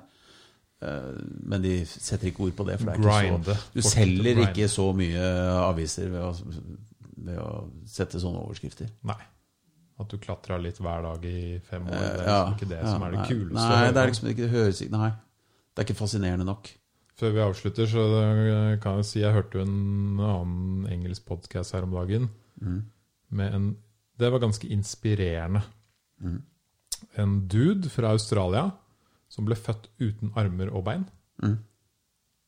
Da er du ganske kan man si ærlig, sånn veldig kjip start på livet. Ja. Uh, og han prøvde jo å ta livet sitt flere ganger når han var ung. Mm. Men han klarte det jo ikke. Nei, var litt rent, sikkert. Det var veldig vanskelig. Så det var liksom sånn uh, Mamma, uh, kan du sette meg på kjøkkenbordet? Og så prøvde han liksom å falle ut selv, men han døde jo ikke av det. ikke sant? Nei. Og han har jo fortalt jo at han jobba i mange år, masse mobbing, selvfølgelig sykt vanskelig, mm. men etter hvert klarte liksom å og begynne å prate litt med folk. Og så begynte han å snakke litt på skolen. Og så begynte han å snakke litt foran folk. Og så begynte han å snakke foran litt mer folk. Og så bare Å, jeg er jo ganske inspirerende. Kanskje jeg skal snakke for litt mer folk. Mm. Og dette fortsatte jo fortsatte og bygde seg sakte, men sikkert oppover. da, Step mm. by step. Og i dag så sa han nei, i dag har jeg tre barn. Eh, vakker kone. Eh, hus, hytte og bikkje. Og jeg reiser verden rundt ja. og snakker om hvordan man faktisk har mulighetene til å få til ting i livet. Da. Ja. Så det er, det er veldig fett. Ja. Hvis du googler han, så ser du liksom Wow! Alt er mulig. Ikke sant? Og uh, det er litt tilbake igjen til det du sa i stad, at uh, vi har det jo så bra her, så hvorfor skal vi gidde? Mm. Men hva hvis du var født da, uten armer og bein? Da må du liksom gidde. Mm. Eller hva hvis du blir sjuk en dag? Mm. Man burde ikke trenge å bli dødssjuk for å ta litt tak Nei. i livet. Nei. Man burde ikke trenge det. Nei. Man skal, man skal ikke trenge det. Nei, tusen takk. Hvis noen vil uh, sjekke ut eller lese om deg eller kontakte deg og booke deg til uh, eh, f.eks. jobben sin for å få litt motivasjon på gjengen, hvor er det de finner deg? På henrikaase.no. Henrik AASE. Henrikaase.no. Mm. Og sjekk gjerne også ut uh, Hennings Verden på disse sosiale mediene. Og send meg en melding hvis dere lurer på noe, eller ønsker å bable litt om uh, det som prates om på denne podkasten. Tusen takk for besøket, Henrik. Takk for at jeg fikk komme. Jeg gleder meg til å høre neste gang du er her, hvordan det har gått. det. Ja, det gjør jeg.